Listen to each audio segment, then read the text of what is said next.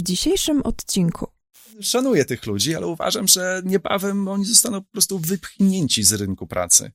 Bo dzisiaj młode osoby trzeba uczyć zupełnie inaczej. Jeżeli edukatorzy, nauczyciele tego nie zrozumieją, bardzo mi przykro, ale powinni zmienić branżę.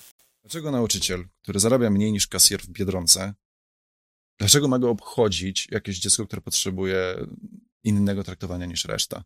Dlaczego on ma wkładać więcej energii w to? I to nie ma znaczenia, czy on ma ADHD, czy jest autystyczny, czy ma traumę w domu, czy inne zaburzenia.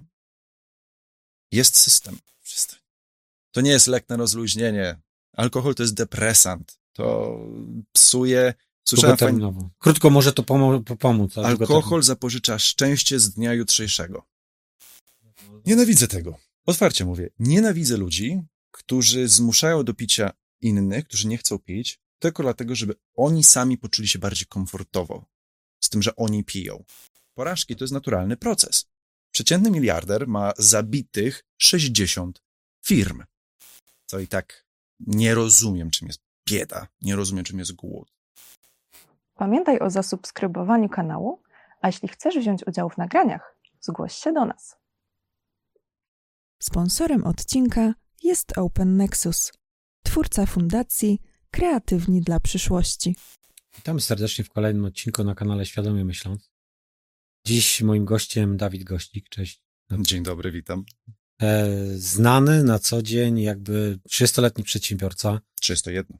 31-letni przedsiębiorca, do tego TikToker. E, na YouTubie też ten kanał gdzieś tam rozwijasz. E, Wszystko przed tobą.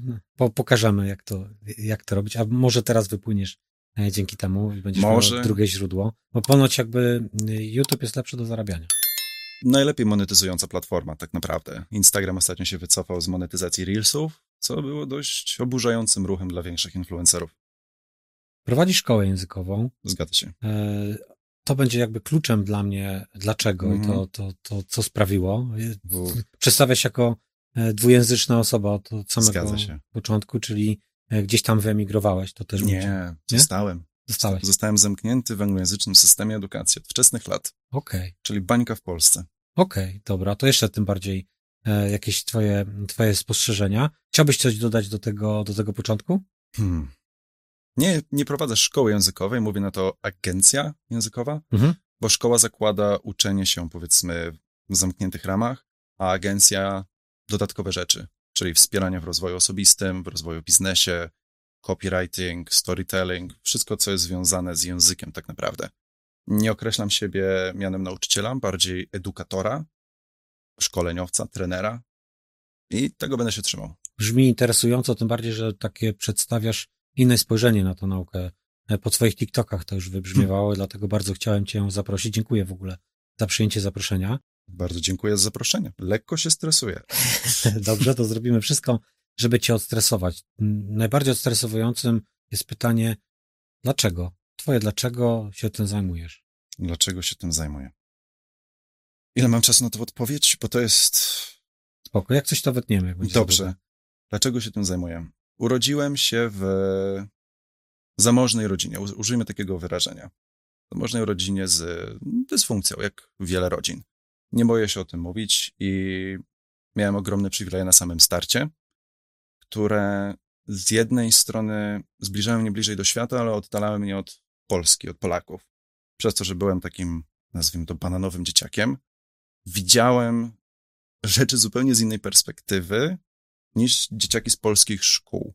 I nie chcę tutaj zabrzmieć jako ktoś zadufany i przechwalający się, ale amerykański system edukacji uczy zupełnie innego myślenia, podejścia do siebie, do obowiązków, do pieniędzy i znalazłem ogromną potrzebę, żeby to oddać, więc jak skończyłem tą amerykańską szkołę, W chciałem... Polsce. W Polsce, tak. To jest amerykańska szkoła w Warszawie, nazywa się e, ASW, American School of Warsaw. Oryginalnie otwarta w 1953 roku. Nie mieli Polacy do niej dostępu do późnych lat 80. I przez to, że mieliśmy te pieniądze w rodzinie, mogłem otrzymać edukację, wsparcie psychologiczne, trenerów, wszystko.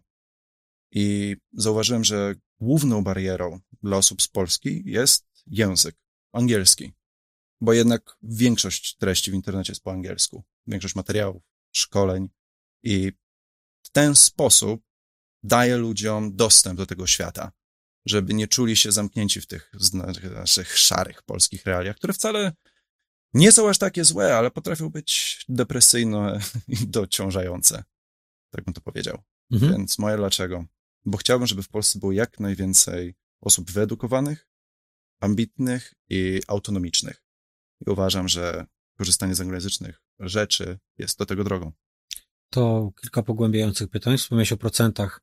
O. E, to jak to, nie tych 40, tylko wspomniałeś o tym, że w internecie jednak większość treści jest po angielsku. Większość. E, jak to procentowo wygląda obecnie? A, jeden, to było w 2021 roku. 1,8% treści jest e, w internecie po polsku, a około 58,8% jest po angielsku. Czyli dysproporcja bardzo... 30-krotnie, więc... Jak... to na liczbach też pokazać. Tak. To jak dziecko ma dostęp do anglojęzycznego YouTube'a, to ma nawet 30 razy więcej materiałów do obejrzenia, 30 razy więcej twórców niż po polsku. To, to tak dywersyfikuje całe spektrum informacji, jakie można zdobyć, że dzieci, które korzystają z anglojęzycznego systemu i anglojęzycznej wiedzy, mają naprawdę niewyobrażalną przewagę. Mhm. A drugie, to jakie widzisz e, zalety, czy też e, przewagi tego? Nie wiem, czy będziesz w stanie porównać to do polskiego modelu, jaki mamy w Polsce. Byłem przez trzy lata, czy cztery w polskiej szkole. Tak? Tak, miałem e, przedszkole brytyjskie i przeskakiwałem pomiędzy tym przedszkolem a polskim systemem, tak powiedzmy do końca podstawówki, a potem już e, od siódmej klasy, tak, czyli to jest amerykańskie middle school albo polskie gimnazjum, byłem po angielsku do końca. Więc zadawaj pytania. E, to jakie widzisz e, takie szczególne przewagi tego amerykańskiego podejścia? Wspomniałeś już, że mm-hmm. nastawienie na ucznia, na, na, na to, żeby tak. on odkrywał siebie, bo to, to wychwyciłem, tak? On, on nie jest doskonały, ten system. Teraz jest dużo lepszy niż jak ja kończyłem tą szkołę. Kończyłem w 2010 roku. Ale tam było więcej wsparcia indywidualnego, więcej psychologów w szkole, większa wiedza, podejście naukowe, a nie takie izolujące, czy nawet ostracyzm wobec dzieci, które potrzebują innego niż standardowe wsparcie. Mhm. Więc tam jest nakierowanie na jednostkę, tak? To jest jednak społeczeństwo indywidualistyczne, indywidualne, a my jesteśmy społeczeństwem kolektywistycznym, kolektyw. Więc my mamy dopasować siebie do tego, od czego oczekuje od nas system. Tam nie do końca. Więc tam dzieciaki mają pole do eksperymentowania, do badania różnych obszarów. Musiałem sam sobie wybierać przedmioty, jakie chcę. Było narzucone tak, trzeba mieć angielski, trzeba mieć matematykę, język obcy, ale reszta? Ja wybrałem sobie psychologię i ekonomię w wieku lat 16. Więc jak ja już skończyłem liceum, miałem podstawy z mikro i makroekonomii w wieku 18 lat. Na studiach byłem z tego zwolniony, więc to jest przewaga. Hmm. E, to jest właśnie to, że ta, fajnie, że to wychwyciłeś, że u nas jest to nastawienie na, na kolektywizm, to też możemy wykorzystać jako szansę. E, absolutnie nie trzeba tego od razu niszczyć, natomiast ta, ta różnica w amerykańskim, może dlatego tyle osób odnosi tam sukces i pchają tą gospodarkę, że jest to nastawienie na indywidualność. Czy ty możesz powiedzieć, że odkryłeś siebie e, po, po szkole, że byłeś już przygotowany, co chcesz robić? No właśnie, moja historia jest jak jedna z wielu. Tak, miałem jakieś wyobrażenie, chciałem pójść i zajmować się konkretnie coachingiem, takim starym amerykańskim coachingiem z lat 80., a nie takim tak zwanym pato-coachingiem, że jesteś diamentem, jesteś najlepszy, nie wiadomo co, wciskanie ludziom kitu, ale odbiłem się od ściany realiów pracy w korporacji w Polsce. Więc całe moje marzenia były przetasowane, powiedzmy w ten sposób. To jeszcze jedno, co wybrzmiewa mi w, e, właśnie w twoich e, TikTokach i to fajnie, że to podkreślasz, to to, że w swojej edukacji mhm. E, i to jak fajnie nazwałeś agencji językowej, teraz rozumiem tę różnicę, bo przesłałeś mi, że, że mhm. jesteś agencją językową, tylko myślałem, że to błąd, ale nie. fajnie, fajnie, że to, że to podkreśliłeś, że to wytłumaczyłeś. Ja tego nie podniosłem wtedy, teraz już rozumiem, natomiast wszędzie podkreślasz te emocje, że są bardzo ważne. To też wyniosłeś z tego E, z tego amerykańskiego. Chciałbym powiedzieć, że to wyniosłem z amerykańskiego systemu, ale tam miałem więcej przestrzeni na swoje emocje. Tam miałem więcej akceptacji, mogłem być bardziej jaki chciałem i nie byłem karcony za to, że nie pasuje. Dla mnie emocje były od dawna ważne, bo zawsze byłem bardzo wrażliwym dzieckiem. Miałem problemy gastryczne, w pewnym momencie miałem ataki paniki i moja relacja z moją emocjonalnością zawsze była złożona i potrzebowałem przestrzeni, żeby to badać, eksplorować, tak powiedzmy. W tym amerykańskim systemie miałem na to przestrzeń. A że miałem wiedzę, jak korzystać z języka angielskiego, mogłem siebie dokształcać z tych obszarów, używając anglojęzycznych materiałów. Więc taka przewaga. Jeszcze mm, interesuje mnie jedna, jedna rzecz. Wrócę do tych emocji, Mhm. ale jedna rzecz, która mi wybrzmiewa, to to, że pomimo, że podkreśliłeś na samym początku, że pochodziłeś e, z dosyć zamożnej rodziny, miałeś wszystko to, co bananowym dzieckiem nawet określiłeś, byłeś, e, to jednak e, wiele osób traci tą motywację do, do własnego działania, nie chce się rozwijać. Ja znam wiele osób, które źle skończyło. Jako, jako, co, co się stało, że właśnie jednak masz tą wewnętrzną motywację i jakby to, że chcesz robić i, i chcesz swoje DNA zostawiać, bo widać to. To jest ciekawe pytanie, nad którym sam się głowię, bo mogłem mieć wygodną e, posadę u swojego ojca w firmie, ale przez to, że w rodzinie dynamika relacji była dość trudna, wybrałem, że chcę pójść na swoje, bo też, tak jak mówisz, są ludzie, którzy kończą źle z, z domu, gdzie jest dużo pieniądza. Ja wiedziałem, że jeżeli nauczysz jakichś podstaw, to mogę to samo zrobić swoim dzieciom kiedyś, jeżeli kiedyś będę miał dzieci. Więc to była taka świadoma decyzja, żeby zmienić bieg rzeki, która była w mojej rodzinie i zrobić coś własnego. Dalej mam to zabezpieczenie, prawda? Dalej jestem tym samym bananowym dzieciakiem. I ja wiem, że jeżeli wszystko mi się schrzani, to mam jakiś spadochron, ale żyję tak, jakbym tego spadochronu nie miał, to i tak nie rozumiem, czym jest bieda, nie rozumiem, czym jest głód. Tych rzeczy nie znam i nie poznam, bo się urodziłem w takiej rodzinie, jakiej się urodziłem ale zawsze chciałem mieć coś swojego. Po prostu. Nie chciałem być pod butem e, swojego ojca w jego firmie, bo to jego statek, on jest kapitanem. A perspektywa pracowania w jakiejś korporacji to nie udało mi się. Nie udało mi się. Wytrzymałem 8 miesięcy w korpo. Mhm. Uznajesz, że to nie, nie, nie dla ciebie? Nie, nie, nie, nie. To- Niestety. Wrócimy. E, zapisałem sobie, bo to też jest ważny wątek. Natomiast wróćmy do tych emocji. Przepraszam, ale to jest jakby Pewnie. dla mnie dość ważne. Udało ci się zapoznać profesora Momę e, z Nigdy materiałem? nie czytałem jego. Nie.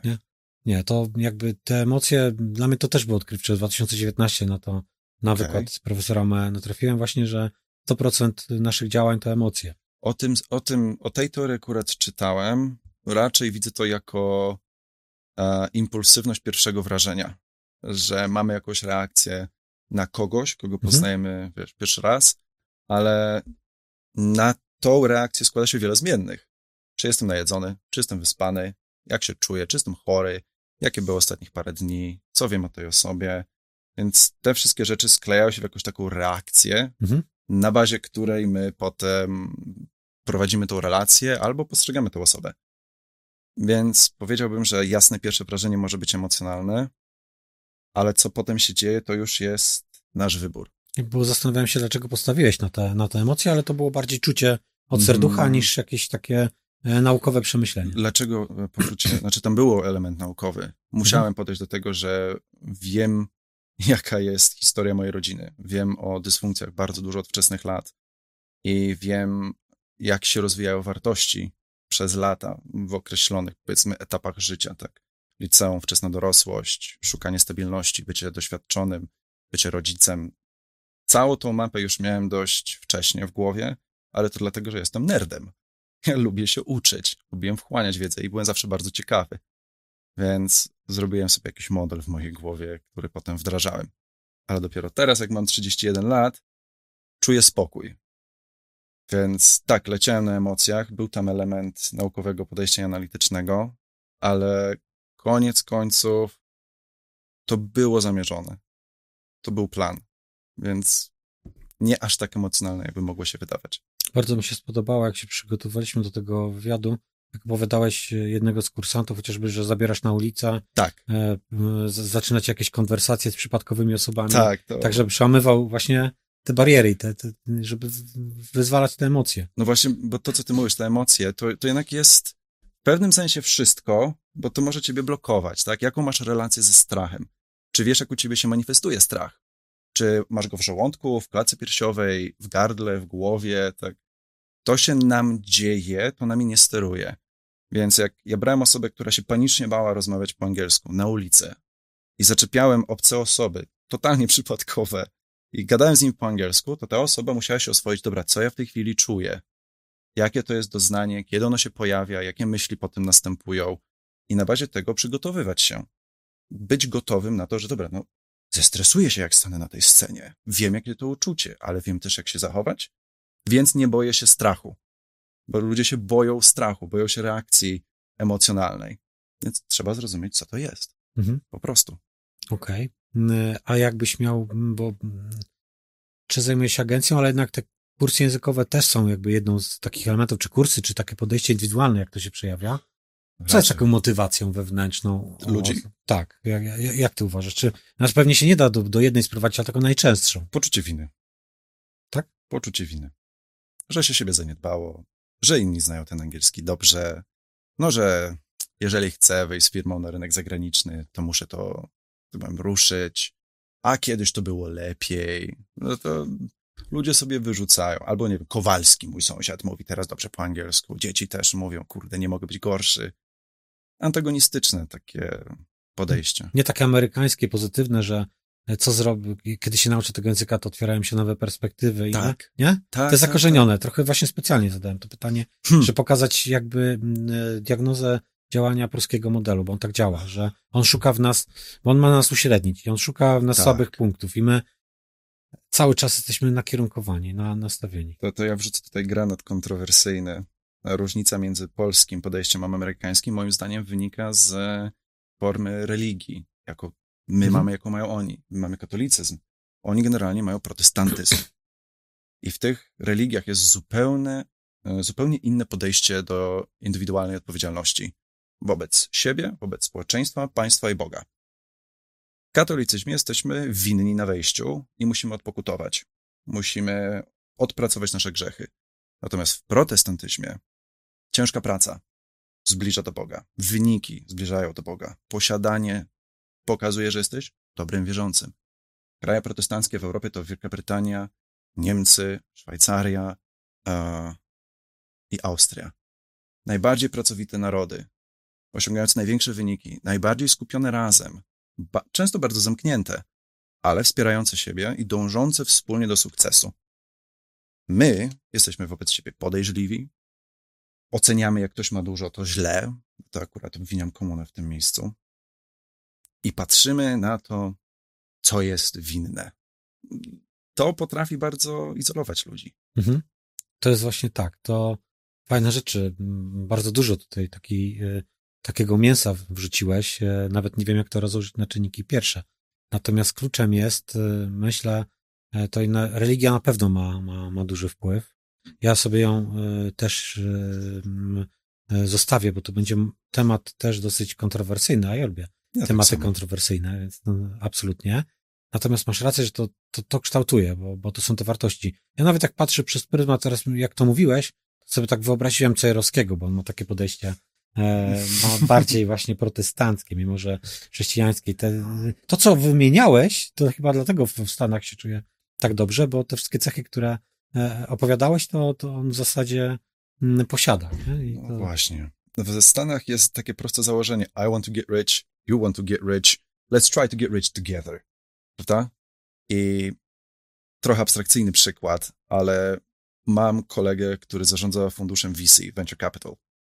I on mi przedstawiał różnicę, jak wygląda due, due diligence w Polsce, czyli analiza zewnętrznej firmy i mhm. zabezpieczenie siebie. Przechodziliśmy. Prawda? A jak wygląda w Stanach? W Polsce to jest co? 60 stron, 80 stron, jeśli nie lepiej, a w Stanach to jest tam 20-30. Samo to, poziom zabezpieczenia albo raczej podejrzliwości, nie wiem nawet jak to określić, pokazuje, jakie tam ludzie mają podejście do siebie nawzajem. Dla nich jest oczywiste, dla nich, Amerykanów, że chcemy zarabiać, że chcemy się rozwijać, każdy idzie do przodu, każdy jest odpowiedzialny za siebie. No my tego nie mamy jeszcze. My dopiero otwieramy się na takie rzeczy. Podcasty, prawda? Dzielenie się wiedzą. Dlaczego, po co? Dokładnie. Pierwsze, pierwsze pytania i to są te, te, te różnice. Sporo -hmm. tych tych różnic one kształtują w jakiś sposób i potem decydują o tym. Tak. Tylko ja, ja zadaję sobie pytanie, bo fajną rzecz poruszyłeś. Ja trochę innego szukam klucza, e, żebyśmy, na, my jako narody, czy to będzie Polska, czy niekoniecznie, żebyśmy byli szczęśliwi. Mhm. Ja w Amerykanach tego szczęścia nie widzę finalnie, nie? Gdzieś ta jednak... Zanika. Tak. E, Stany Zjednoczone to jest najbardziej zacofany kraj rozwinięty, moim zdaniem. Jest największa dziura społeczna, prawo pracy tam jest chore, naprawdę. Jest, jest tak nieprzyjazne dla osób z niższych sfer, z niższych klas, że to jest abstrakcyjne.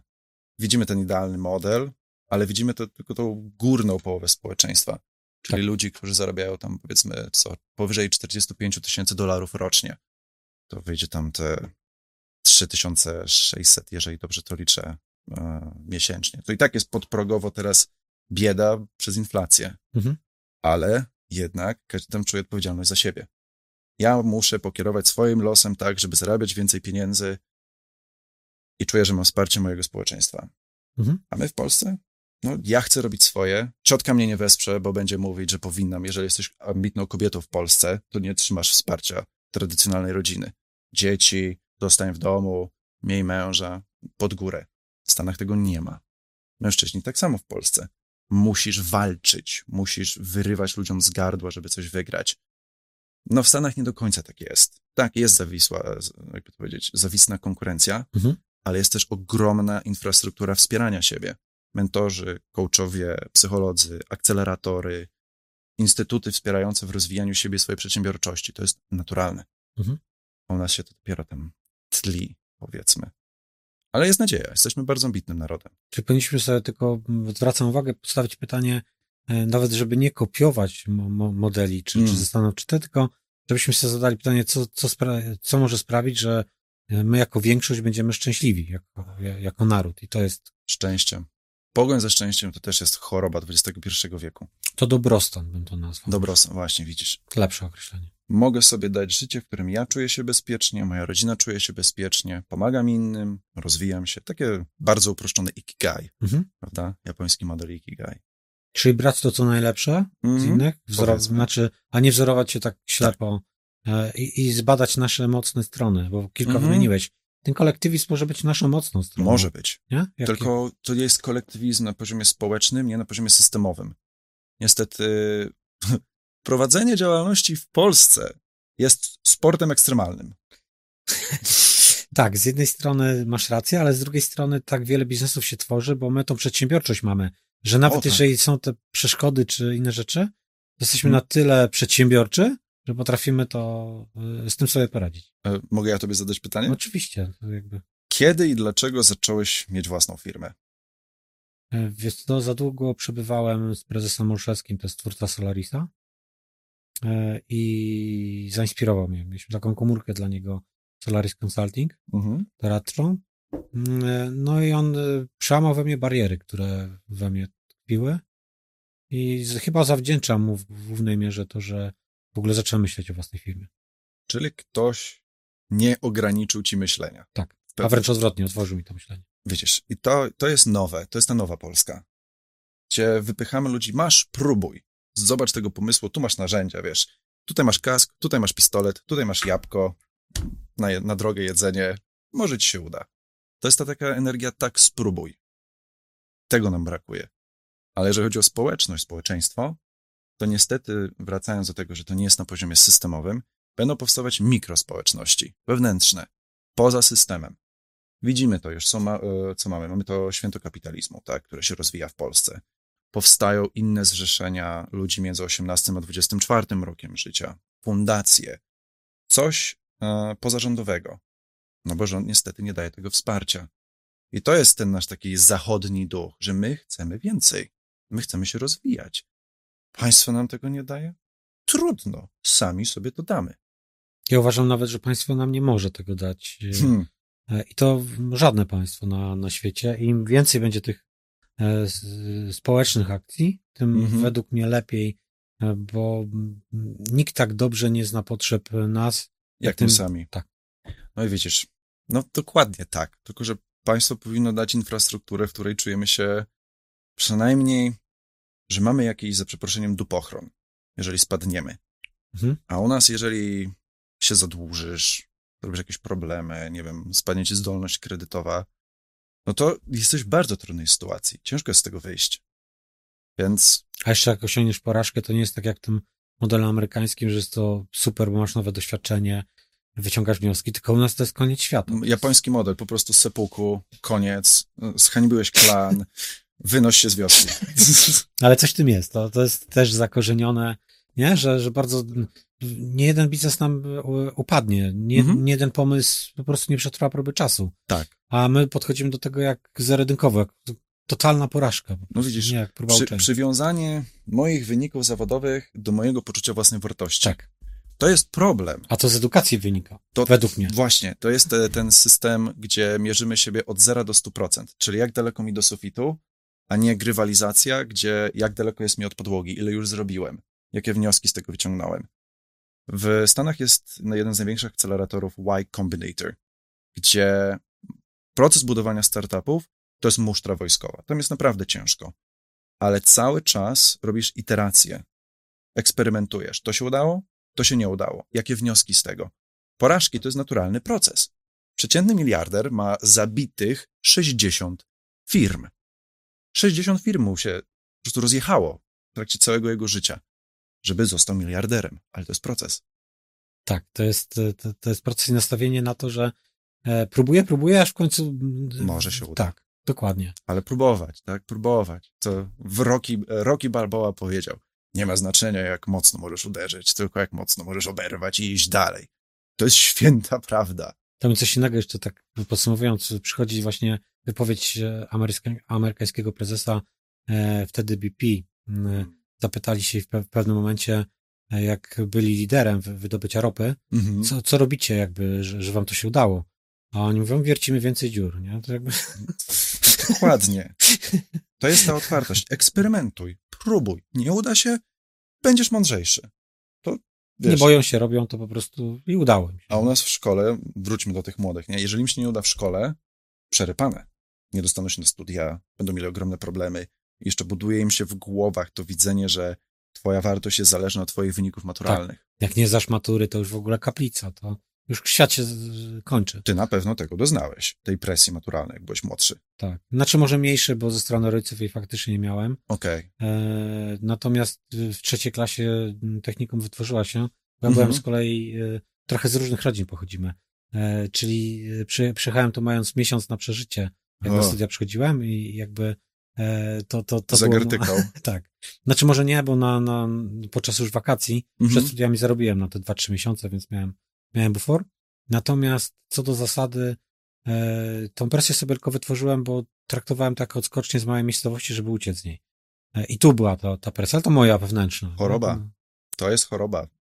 Głód, potrzeba wielkości, potrzeba rozwijania siebie. Jak, jakie to kompleksy, dopóki ja ich nie, nie uświadomiłem sobie, te wszystkie kompleksy, które człowiek ma i dopóki ich nie, nie uwidoczni, nie, nie pokaże mm -hmm. i nie przyzna się do nich, to jest... Będzie terroryzować całe życie. Tak. Tak, ja byłem bardzo mocnym autokratą, więc to... Widzisz, ja tak samo wobec siebie, tak? Niby jestem z zamożnej rodziny, ale standardy mam wobec siebie naprawdę bardzo wysokie. Wszystko zrobiłem samemu. Przeszedłem od baru do własnej firmy w pięć lat i teraz uczę się troszeczkę zaufać swojemu doświadczeniu. Dopiero teraz. Ale nie uczyli mnie tego w szkole. Znaczy niektórzy mówią nawet, że odjechałem, bo yy, wrzucam nieraz w zespole, jak testujemy różne rzeczy niektóre nam nie wychodzą. Mm -hmm. I, mhm. bo to jest naturalny proces uczenia się i nie wchodzę z założenia, że musi nam ileś rzeczy nie wyjść, zanim nam wypali ta właściwa. Mm -hmm. I mówię, nawet jak padniemy, jak upadniemy w sensie, to nic się nie stanie, bo będziemy mieli tak duże doświadczenie, tak fajne, że z tym doświadczeniem jesteśmy w stanie góry przynosić. E, Ale to jest relacja z porażką. Jaką masz relację z tym, że ci się nie uda? to wynosisz już z domu. Czy rodzice traktują twoje kiepskie oceny jako, nie wiem, wymówkę, żeby spuścić ci łomot kablem, czy raczej mówią, dobra, spróbuj inaczej, spróbuj tego, dobrze, że spróbowałeś. To jest to, żeby się podnosić i próbować, podnosić i próbować.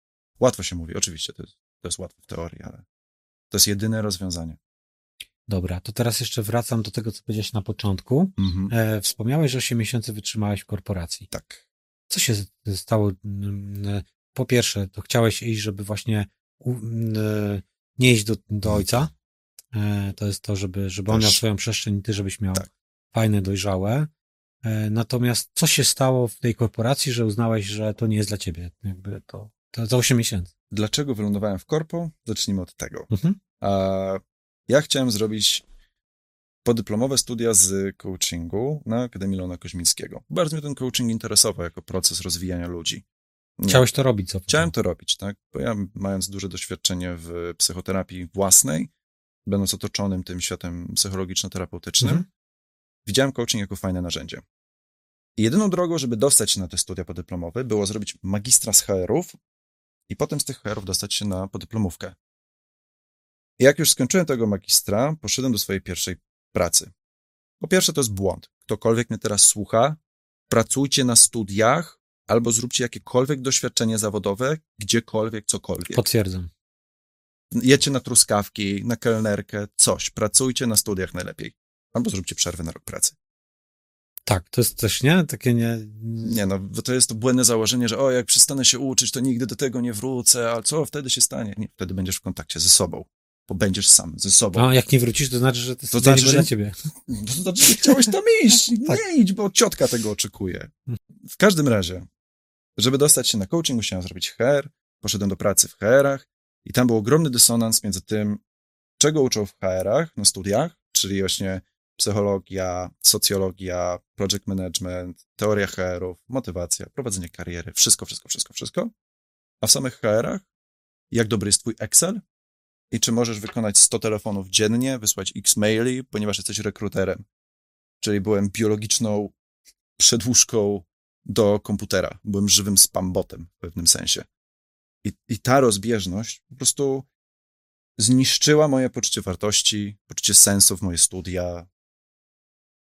Było straszne doświadczenie. I nie chciałem pracować jako ktoś, kto dzwoni do ludzi, oferując im pracę, umawia jakieś procesy rekrutacyjne, przeprowadza rozmowy kwalifikacyjne. To zupełnie nie było to. Ja chciałem pracować z ludźmi jeden na jeden. Taką miałem wizję. Więc A w korporacji to prawie, że...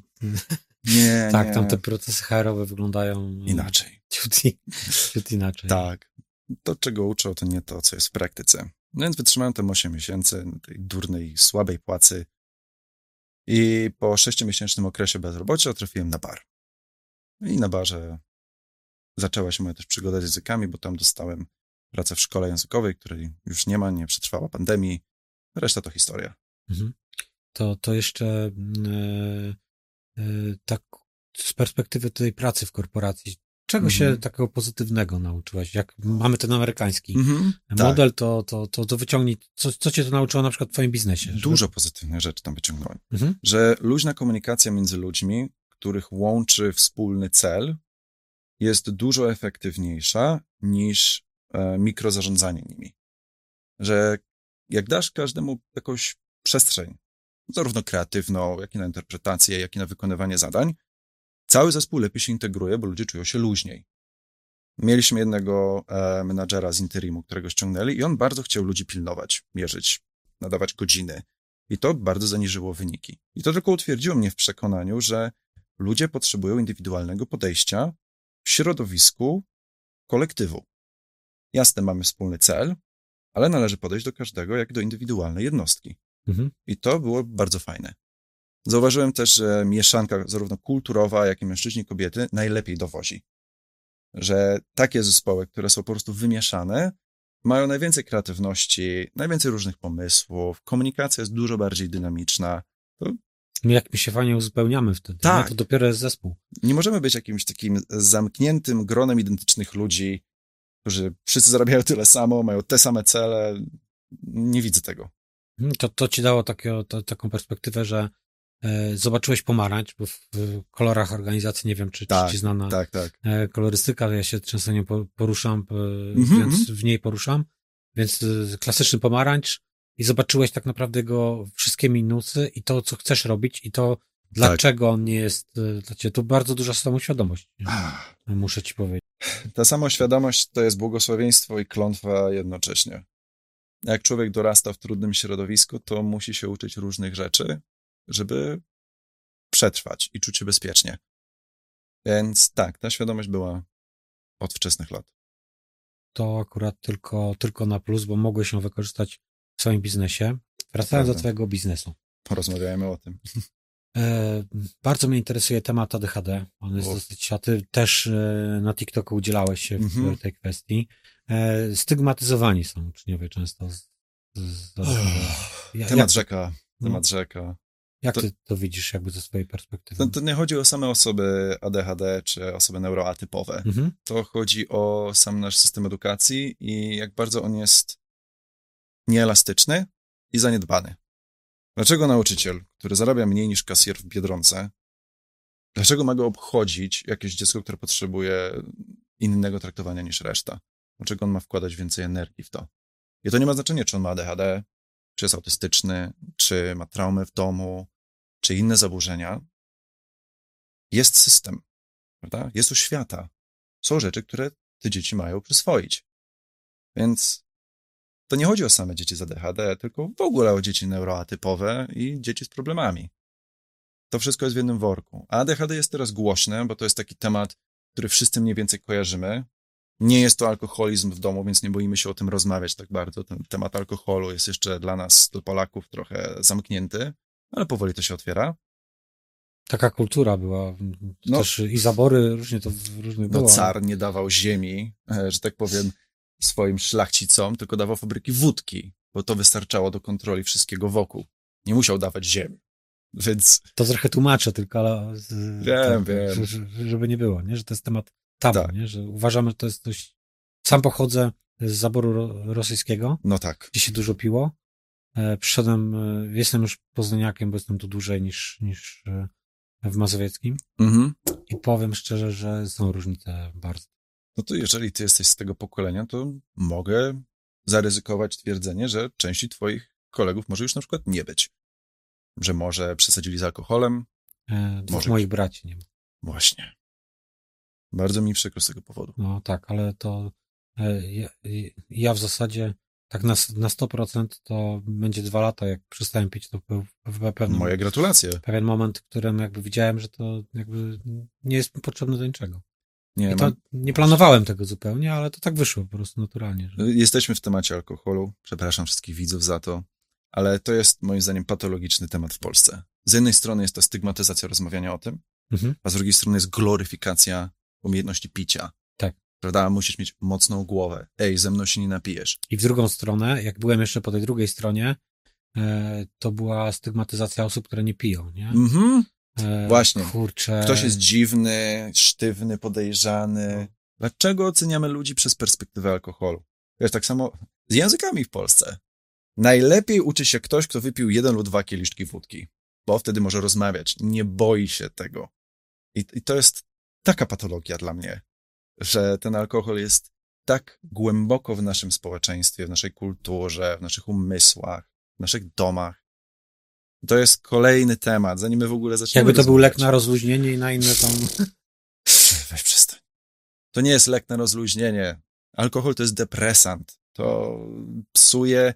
Słyszałem fajnie... Krótko może to pomo pomóc. Alkohol zapożycza szczęście z dnia jutrzejszego. Takie porównanie słyszałem i do dzisiaj się tego trzymam. Pi Coś w tym jest. Wiesz co, ale to kiedyś sobie nie wyobrażałem, że ja mogę iść na imprezę bez picia się dobrze bawić. Nie? Czym jest impreza dla ciebie? E, dobrym spędzeniem czasu e, z ludźmi, których lubię. Czy musisz pić, żeby mieć dobry czas? Nie. Ale kiedyś to. to, to nie jest normalne. No, alkoholicy w Polsce średnio zaczynają pić w wieku mniej więcej tam 16-17 lat, ale i tak wszystko zaczyna się od papierosów, często w wieku 14 lat. Popalanie zamienia się w popijanie, rośnie presja w szkole na studiach, potem jest celebrowanie, następuje połączenie emocjonalne, że celebruje jak się raduje, mhm. znaczy, że pije jak celebruje, bo i wtedy już zaczyna się mechanizm wykorzystania alkoholu jako nagrody. I to już jest niebezpieczne. Potem nakładamy to na to stres. Albo, albo coś do rozluźnienia. Właśnie, to jest ten drugi element. Stres. Ja się boję, więc się napiję. I potem naturalna reakcja jest, bo alkohol chemicznie uzależnia, gdzie na negatywne emocje pierwszym odruchem jest się napić. I to już jest taka no, pomarańczowa flaga, że no niedobrze, niedobrze, trzeba już reagować. No, ale ludzie tego nie widzą. U nas picie jest normalne. Hmm, tak, jest to traktowane wręcz odwrotnie. Nie picie jest nie, nie, nienormalne. Nienawidzę tego. Otwarcie mówię. Nienawidzę ludzi, którzy zmuszają do picia innych, którzy nie chcą pić, tylko dlatego, żeby oni sami poczuli się bardziej komfortowo z tym, że oni piją. No bo jakie jest uzasadnienie zmuszania kogoś do picia, jeżeli ta osoba nie chce pić na imprezie? Why do you care? W sensie, co ci po tym? No tylko, żeby ze sobą się rozluźnić. Więc on się ma napić, żeby ja czuł się lepiej z moim piciem. Wiesz co, to wrócę do tego, zanim do tego ADHD, bo fajną refleksję zrobiliśmy.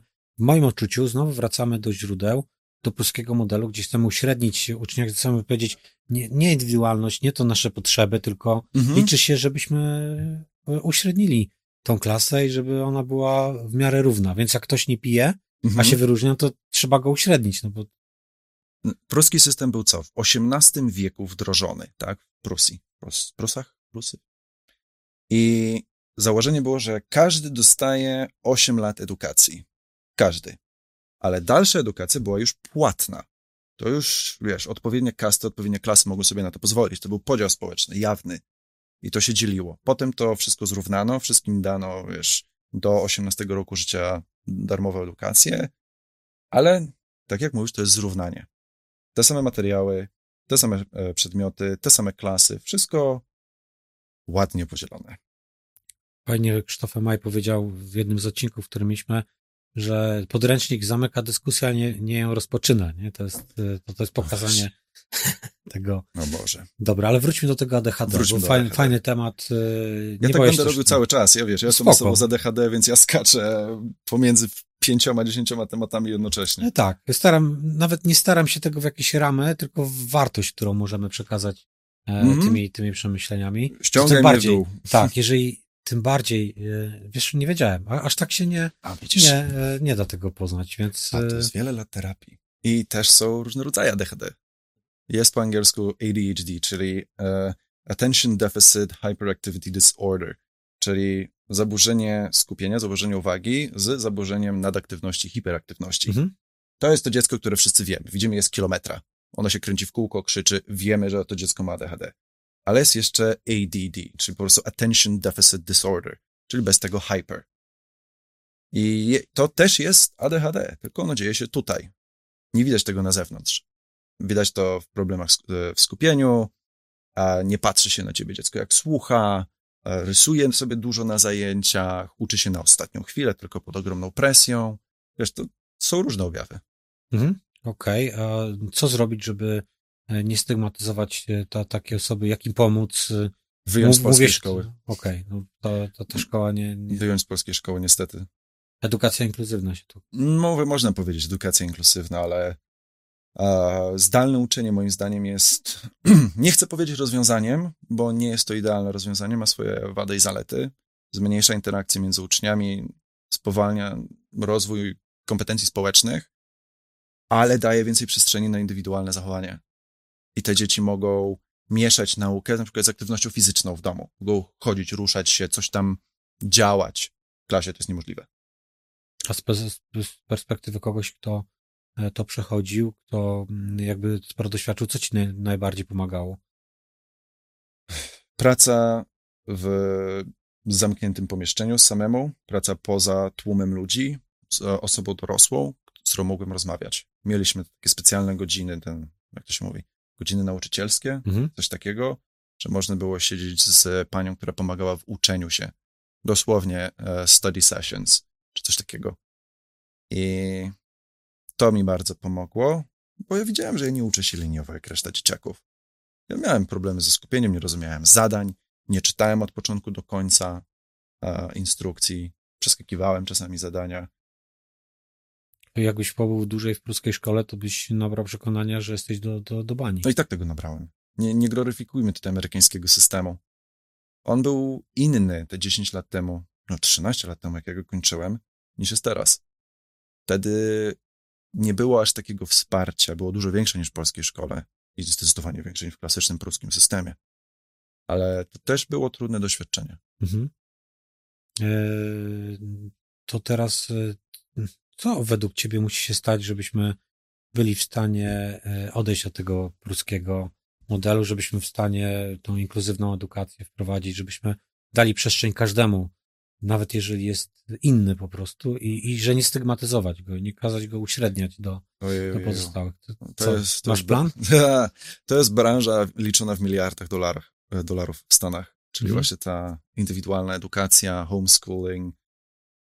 Pytanie, czy ty wierzysz, że wszystkie przedmioty ze szkoły każde dziecko powinno znać? Absolutnie. To w ogóle powinniśmy model, e, cały program i to przemodelować e, od, od samego początku. Podstawy, okej, jasne. Podsta- Jestem ekspertem, co powinno być w podstawach, ale na pewno ten program jest. Pisanie, czytanie, tak, wyrażanie siebie, przyswajanie informacji. Moim zdaniem dodałbym jeszcze coś o metanauczaniu, czyli uczenie się o uczeniu. W jaki Mhm. sposób ja się uczę. Z, Odkrywanie swoich tak. talentów. mieliśmy taki przedmiot, to się nazywał TOK, Theory of Knowledge, teoria wiedzy. Trochę taka mieszanka właśnie filozofii, debaty, literatury i uczyliśmy się o sobie i w ogóle o wiedzy jako takiej.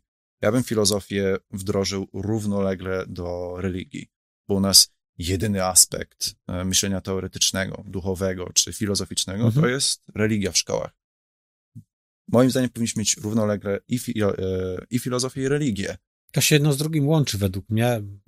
Ale To my- zależy, jak na duchowość stawiamy, a nie na religijność. Przecież my mamy tych radykalnych duchowych, którzy chcą narzucić jedną, jedyną rację, a nie dialog i bezpieczeństwo. Dlatego młodzi odchodzą od religii, bo nie lubią, jak ktoś im każe. No Ale to jest... Płynnie przeszliśmy do tego tematu ja miałem odłożony, Aha. e, więc przed tą ostatnią częścią, i trochę por- porozmawiamy o twoim biznesie też, e, poruszmy tą religię właśnie. Co cię najbardziej w niej boli, skoro już to... Wiara jest piękna. Od razu powiem. Moi drodzy wierzący, chcę, żebyście Domiem, mieli już raz ja jestem wierzący. Dobrze. To Możemy nawet z perspektywy e, Super. pogadać. Jestem w stanie wejść w konfrontację. Ja jestem osobą e, niewierzącą, tak? Nie, nie powiedziałbym, że jestem ateistą, bo nie wiemy wszystkiego. Z perspektywy naukowej nie wszystko jest wyjaśnione, więc może coś jest, może nie. Każdy ma swoje prawo. Chrzest mam prawosławny, bo mam taty z Białego Stoku. Ale interesowałem się em, wierzeniami ze wschodu, interesowałem się trochę poganizmem i różnymi teoriami. I to mi dało przestrzeń na poznanie siebie. Tylko ja to zrobiłem z dala od szkoły, z dala od księdza i nie czułem, że tutaj jest jakakolwiek więź. Nie czułem wsparcia, nie czułem się bezpiecznie, więc automatycznie takie przekonanie mam do kościoła. E, No to pociągnijmy to, Dobrze. że jakby za dużo jest tego narzucania, za dużo jest tej re- religijności, a to, Tak, bo ja oddzielam religijność od duchowości. właśnie, to jest bardzo ważne. Wiara jest ważna, wiara ludziom bardzo pomaga, wiara nas zjednoczyła, tak? Przeszliśmy z bycia klanami, małymi królestwami do bycia kontynentami i imperiami, tak? To mimo swojej naprawdę mrocznej przeszłości pomogło nam się rozwinąć. Mhm. A religia jako taka stała się instytucją władzy i kontroli. Zamiata wiele rzeczy pod dywan i udaje, że nie ma problemów i w ogóle zabija dialog. Więc zostaje tylko miejsce dla fanatyków. Ludzi, którzy bez żadnych pytań będą robić to, co słyszą od osoby na ambonie lub od kogoś, kto dla nich jest autorytetem religijnym. To bardzo trafnie poruszyłeś to, dlaczego ja się odwróciłem od, Mhm. od chrześcijaństwa, potem powróciłem. Szukałem i w buddyzmie, e, studiowałem też różnice pomiędzy buddyzmem, judaizmem, e, islamem, No żeby, żeby zobaczyć jakby z czego to wynika. E, Natomiast wróciłem, tylko z inną, e, z bardziej otwartym, mniej pruskim modelem, takim wpojonym. Dla mnie kluczowe przy powrocie była duchowość, Mhm. a religijność traktuję jako te elementy, które są w, przez Jezusa opisywane jako takie potrzebne do tego, e, żeby mm, jakby podtrzymać tą duchowość, bo religijność w jakichś obszarach pomaga, ale właśnie ten dialog i ta Mhm. otwartość i ta nie, nie przyjmowanie wszystkiego jako pewników, bo, bo, bo on też niczego nie narzucał, niczego też za nikogo. Jak się Mhm. wsłuchamy, e, fajnie, myśmy na tym kanale wywiad z księdzem, który, O. tak, który kocha zobaczyć. być księdzem Okej. e, i trochę inaczej podchodzi do, do, do tego. To taki tworzy trochę turkusowy kościół to nazwał, bo oddolnie właśnie bardzo dużo czerpie. Nawet jak mu narzucono nową parafię otrzymał narzucono mu budowę kościoła, to powiedział nie, budujemy najpierw wspólnotę. Czy będziemy budować, ja chcę relacje międzyludzkie, e, zaprasza na kawkę po każdym przy rozmowy, inne. Mhm. Też ta Mhm. spowiedź wygląda u niego trochę inaczej, także ma to podejście bardzo uduchowione. Nie mówię, że inne jest złe, tylko Takie ma. Wy, takie ma, wy, wy- wyróżniło się jakby. Ale zobacz, musisz powiedzieć, nie mówię, że to jest złe. Musisz to dodać, Mhm. tą informację. E, tak, I to jest, to jest ten problem, że nie ma sfery na dialog o tym, że musisz się zabezpieczać, że kogoś wiesz, nie obrazić, bo ktoś może ciebie zaatakować. mhm. Ja dlatego mam problem z radykalnymi katolikami, ponieważ jakiekolwiek słowo, które nie jest wspierające, czy nawet przyklaskujące, czy chwalące, jest odbierane jako atak. Mhm. Tak. I dla mnie to jest kategorycznie skreślające tych ludzi. Nie umiemy rozmawiać z ludźmi, którzy się z nami nie zgadzają, bo może nie wiedzą, może mają inne poglądy, albo po prostu ich to nie interesuje. Bo wiesz co, tu jest problem w tym, że my idziemy na skróty, Mm, E, i chcemy od razu, mm, właśnie nie interesuje, mm, tutaj z misyjnością trochę, nie chciałbym wchodzić w szczegóły, ale z misyjnością Mhm. Kościoła jest trochę nie tak, bo nie koncentrujemy się na tym, co zrobić, żeby więcej ludzi było dobrych, żebyśmy byli lepsi jako, jako ludzie. potulni. E, Ty, tylko właśnie. potulni. E, Właśnie koncentrujemy się na tym, żebyśmy oceniali e, czyny, religijność, inne. Nie, nie ma tego procesu, nie ma te, tego poznawania też siebie i, i dochodzenia do pewnych, do pewnych Hmm. etapów. Każdy z nas jest inny trochę. No jest- Trybalizm taki. Trybalizm. Jesteśmy po prostu plemionami, które my kontra oni. Syndrom oblężonej twierdzy. My jesteśmy jedyną racją, tam są wrogowie, tam jest deprawacja, po prostu nierząd i wszystko. Więc my musimy siebie chronić i atakować wszystkich innych. Ale też jest coś w tym, co powiedziałeś, że to zadawanie pytań już samo sobie jest traktowane przez niektórych jako atak, bo ja je lubię, bo one dopiero otwierają dyskusję. I sp- sprawiają, że my się uczymy. To jesteś ten sposób. problematycznym człowiekiem. Tak. Jesteś rozrabiaką. E, Tak, to klasyczny jakby. No widzisz, Tak jestem postrzegany często, że, że jakby znowu coś tam, po co robisz problemy, co? no tak, tak. A, ale uważam, że inaczej się nie da. Czy, czy uważasz, że jest inaczej? Oczywiście, że się da. Możemy rozmawiać, możemy dawać innym przestrzeń na inne wierzenia, możemy nie uzależniać naszego poczucia własnej wartości i bezpieczeństwa od tego, co robi ktoś inny. Dokładnie. W I ten sensie- szacunek i przestrzeń do... Albo nawet taki ludzki szacunek jak obcego, do obcego człowieka na ulicy. Prawda? Po prostu prosty szacunek. Jak ktoś idzie z dzieckiem, przypuszczasz tą osobę. Jak ma problem, pomożesz im zanieść rzeczy po schodach. Taki no, normalny człowiek. A nie jak widzisz babcię, która ma, nie wiem, e, łańcuszek, załóżmy z gwiazdą Dawida, i widzisz, że ma problem z torbami, żeby wnieść, to powiesz, a nie, spieprzaj. No to Bo nie widzimy człowieka, tylko Dokładnie. stygmatyzujemy go. To widzimy nalepki, nie widzimy człowieka. I to też zrobiła nam komuna. Jesteśmy nauczeni, że sąsiad może na nas nakablować, że ten, kto ma to złodziej i jesteśmy bardzo nieufni do wszystkich spoza, poza naszego e, najbliższego stada. I tutaj Kościół ma pełną kontrolę. Tak? Bo łączymy się w lokalnych parafiach, mamy jednego wspólnego księdza, widujemy się o tych samych dniach, tych samych porach mniej więcej, wszystkie obrządki mamy, e, że tak powiem, w kalendarzu, Mhm. a wszyscy na zewnątrz to mogą być kapusie. Mogą chcieć nas okraść. Więc zamykamy się. Widać, że jednak ta filozofia była ci e, bliska, bo bardzo wiele tematów e, poruszyłeś, które chciałbym w ogóle rozwinąć, bo my bardzo pobieżnie potraktowaliśmy, Tak. bo taka jest, e, To jest inspiracja, kopalnia. to jest, to jest kopalnia. Ja widzę to i nie chcę nawet rozgrzebywać tych poszczególnych, Don't touch e, it. tak, bo jakbyśmy otwierali, to byśmy tutaj, Nie, nie, zaraz wyjdzie nam Joe Rogan, 3,5 godziny podcast. O nie. e, tak, tak, to mm, powiedz o swoim biznesie. Mój biznes. E, Powiedziałeś, że prowadzisz agencję i to, Tak. to, to, to odróżnia e, ciebie. Wyróżniasz się też swoimi przekazami. Mm. Naprawdę bardzo, bardzo dobrą robotę robisz na TikToku. E, Bo przyjrzałem się po, za namową właśnie Kingi, którą Mhm, poznałeś. mhm. I jak tak analizowałem i te odcinki przestudiowałem, to mówię, ja cię kręcę, nie? Mówię, e, naprawdę widać w tym, że, że odkryłeś tym siebie. Jest pasja, bo jestem edukatorem, nie nauczycielem, tak? Więc miałem bardzo proste rozumowanie. Nienawidzę uczyć podstaw angielskiego. Present continuous, jakieś, wiesz, past perfect. To, to. Bardzo tego nie lubię. I nie lubię motywować ludzi, żeby oni to lubili robić, bo to nie ma sensu. Więc ja sobie wymyśliłem model, że zapytałem ciebie, jeżeli chcesz się uczyć angielskiego. Jeżeli ty do mnie przyjdziesz, znaczy, że ja wiem, że chcesz angielskiego. Super. Więc ja ciebie pytam, co ty robisz na dziś dzień, kim ty jesteś, w czym chcesz się rozwijać, co lubisz. I na bazie tych odpowiedzi, na bazie profilowania ciebie, dobieram ci tematykę i materiały. Ty masz teraz... Trochę taki coaching. To jest coaching. Ja mam certyfikat ICF. tak, ja, tak. Ja jestem I wykorzystujesz to. Tak, tak. Ja to mówię, na to mówię coaching językowy. Nie udało się z coachingiem, ale widzisz, wykorzystałeś to, ale wy, wykorzystałeś to, to jest zajebiste, bo wykorzystałeś to jako, jako zaleta w swojej nowej firmie, która jest inna, ale opiera się na... No, jeżeli znasz, ty masz, powiedzmy, angielski na poziomie B2 i chcesz rozwijać swój angielski, no to co, będziesz robić certyfikat na C1, nauczysz się 5000 zaawansowanych słówek i, i po cholerę ci to. I tak nie zagadasz z kimś na ulicy. Więc jeżeli ktoś ma konkretną potrzebę, na przykład e, to, co ci wysłałem, miałem klienta, który chciał się uczyć inwestowania. Więc znajdowałem mu kursy z inwestowania, które były po angielsku dla Amerykanów.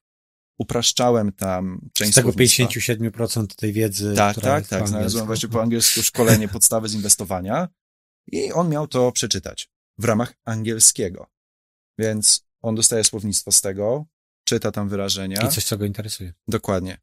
I potem po miesiącu zgłębiania tego daję mu pracę domową. Dobra, załóż konto inwestycyjne na jednej z tych platform, e, które omawialiśmy.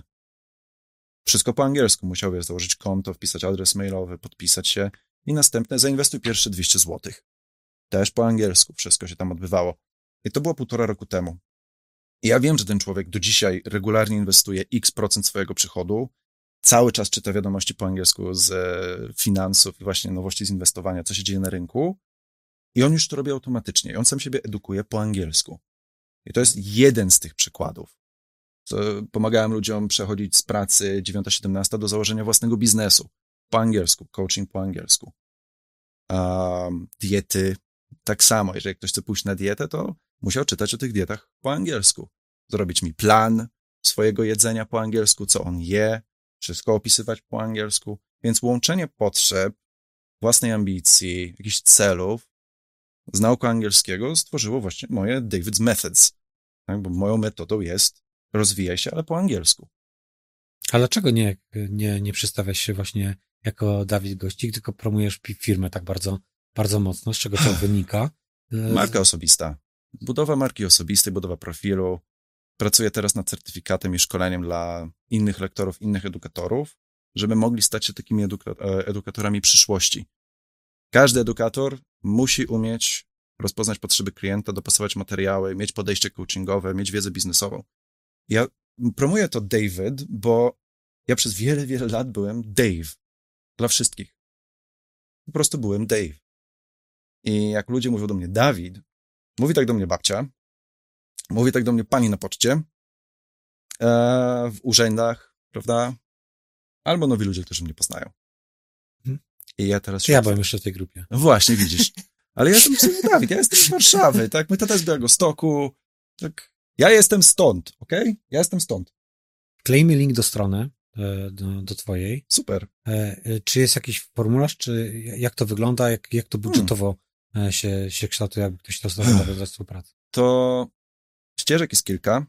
Wszystko i tak zaczyna się od audytu językowego, który jest analizą potrzeb, określeniem poziomu, jaki masz, poznaniem twoich możliwości czasowych, czyli te zasoby, ile możesz w tygodniu się uczyć, jakie metody nauczania na ciebie działały, co dla ciebie było złym zachowaniem ze strony lektora, po prostu pewien profil ciebie, jak ty się uczysz.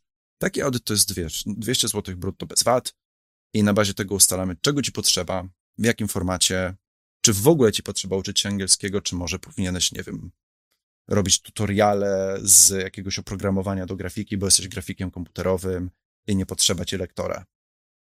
Jeżeli ktoś chce mieć takiego, bo ja na, na swoich lektorów mówię native business speaker, oni są native'ami z angielskiego, ale też mają doświadczenie zawodowe w innych branżach. Każdy mój lektor musi mieć doświadczenie w innej branży. Musi prowadzić własną firmę. Musi być ogarnięty.